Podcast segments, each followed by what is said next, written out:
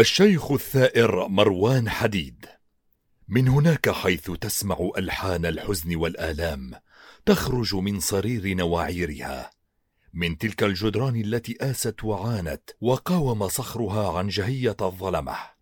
من هناك سنحدق في النجوم ونلجو إلى سالفات الأيام نقول لكم. من هو الشيخ الثائر مروان حديد؟ ذلك الرمز الذي كنا نتداول اسمه سرا بيننا عندما كنا صغارا. بلغوا هذا عنا. نطالب بالحكم بالإسلام. ولا نرضى بغيره بديلا. وآن للشعب أن يعي. وآن للشعب أن يستيقظ. وآن للشعب أن ينصح. وآن للشعب أن يتآخى ولد الشيخ مروان حديد عام أربعة وثلاثين وتسعمائة وألف في مدينة حماة السورية لأسرة عريقة ومحافظة ومعروفة في الوسط الاجتماعي الحموي.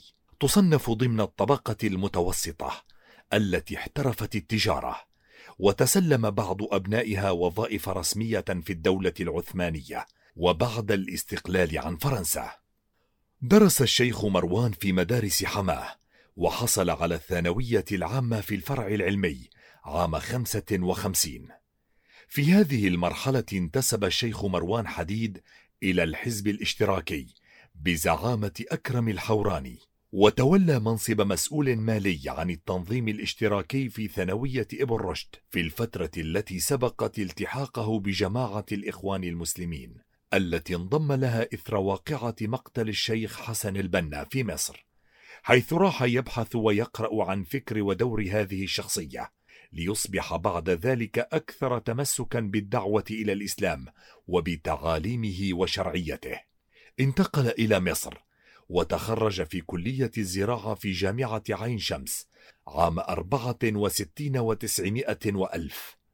شكل خروج الشيخ مروان للدراسة في مصر مرحلة مفصلية في حياته. فتعرف هناك إلى تلامذة مؤسس جماعة الإخوان المسلمين حسن البنا ومن بينهم المنظر الإسلامي سيد قطب رحمه الله. عاد إلى سوريا والتحق بكلية الآداب بجامعة دمشق قسم الفلسفة وحصل على البكالوريوس وعكف خلال هذه الفترة على عقد الندوات الدينية في بيته ومسجده الصغير بحي البارودية. وأقام المحاضرات والدروس في المساجد. كل ذلك أكسب الشاب ثقافة واسعة فكان المهندس والشاعر قبل أن يصبح ثائرا في وجه السلطة. وكانت المرحلة التي انخرط فيها في صفوف الإخوان مرحلة انقلابات في سوريا وكان العمل في تلك الحقبة سريا ويتركز في جامع النوري الشهير بحماة. وكان الشيخ مروان قد أحس بخطر حزب البعث الذي وصل إلى السلطة في انقلاب سنة 63 حيث راح يحذر الناس وينذرهم أنه لا بد من مجابهة هذه الطغمة الفاسدة من اللحظة الأولى قبل أن تتمكن من الحكم. شارك بصفته أحد الرجال البارزين في جماعة الإخوان المسلمين في احتجاجات طلاب ثانوية عثمان الحوراني بمنطقة الحاضر في مدينة حماه يوم السابع من نيسان 1964 إذ خرج الطلاب في مظاهرة احتجاجية بسبب اعتقال الشبيحة أحد الطلاب لكتابته على السبورة آية قرآنية لتتطور الأحداث إلى اعتصام قاده الشيخ مروان في مسجد السلطان بحي الدباغة وسط حماه قابله رد عسكري بقصف المسجد. وقتل عدد من المعتصمين. أفعال إجرامية لم تجرؤ فرنسا على فعلها عندما احتلت سوريا حيث كان للمسجد حرمته التي لا يمكن لأحد أن ينتهكها فيه. نقل الشيخ مروان إلى دمشق ليخضع لمحكمة عسكرية ترأسها آنذاك المجرم مصطفى طلاس ويدور بينهما حوار استهزأ من خلاله الشيخ مروان بالسلطة وخلده الحمويون في مجالسهم. ونقلته إذاعة دمشق قبل أن تقطع البث المباشر. المجرم طلاس أنت عميل. الشيخ مروان أنا عميل لله. المجرم طلاس أنت مأجور. الشيخ مروان أنا مأجور من الله. حكم على الشيخ بالإعدام من خلال المحكمة الصورية فالسلطة المخابراتية الأسدية. تحمل صلاحيات كثيرة ليس أولها القتل ولا آخرها تصدير أحكام القضاء. نطق المجرم طلاس بالحكم وقال للشيخ إن المحكمة حكمت عليك بالإعدام شنقا حتى الموت وهو الحكم الذي علق عليه الشيخ قائلا. والله يا مسكين لو عرفت أن بيدك الموت والحياة لعبدتك من دون الله. لم ينفذ الحكم.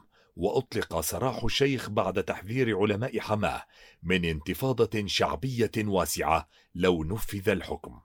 عقب خروجه من المعتقل استمر الشيخ مروان في نشاطه مع الجماعة واعتقل مرة أخرى في عام 66 على يد قادة حزب البعث المجرم وأبرزهم الخائن حافظ الأسد وصلاح جديد.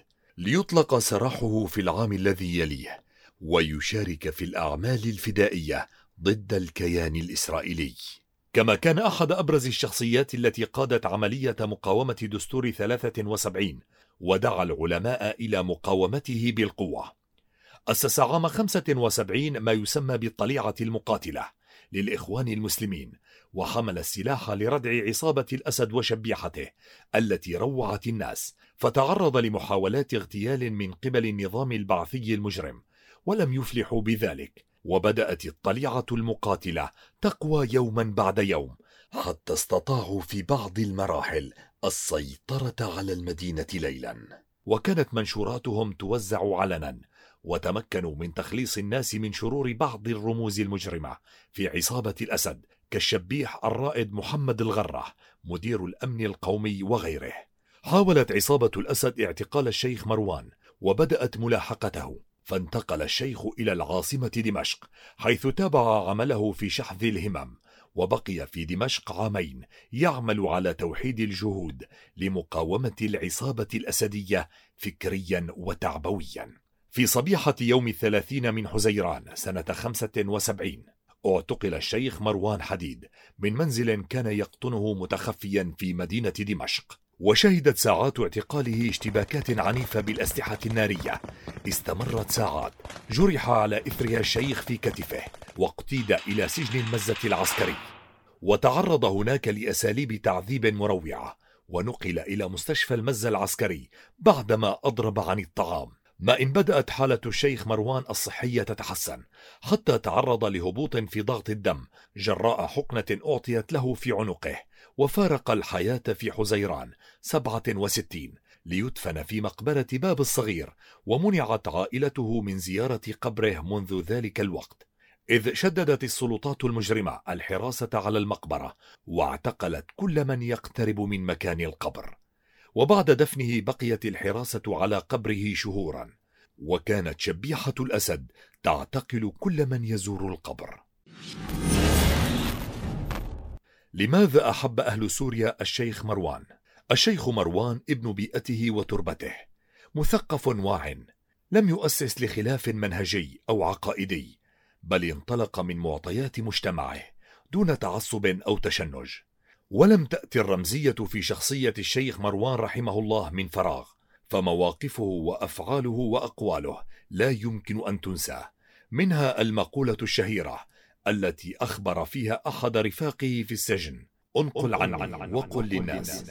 إن هؤلاء الكلاب محققو نظام البعث. لن يحصلوا مني على كلمة واحدة. تشفى بها صدورهم.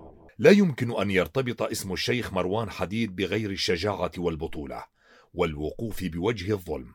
فكان في أول الصف مقاوما للظلم والاستبداد والطائفية التي رسخها نظام البعث الفاسد. توفي الشيخ مروان قبل أربعين عاما ليعود اسمه إلى الساحة العسكرية في الثورة السورية ضد الميليشيات الأسدية المحتلة ولتحمل إحدى المعارك اسمه رحمه الله.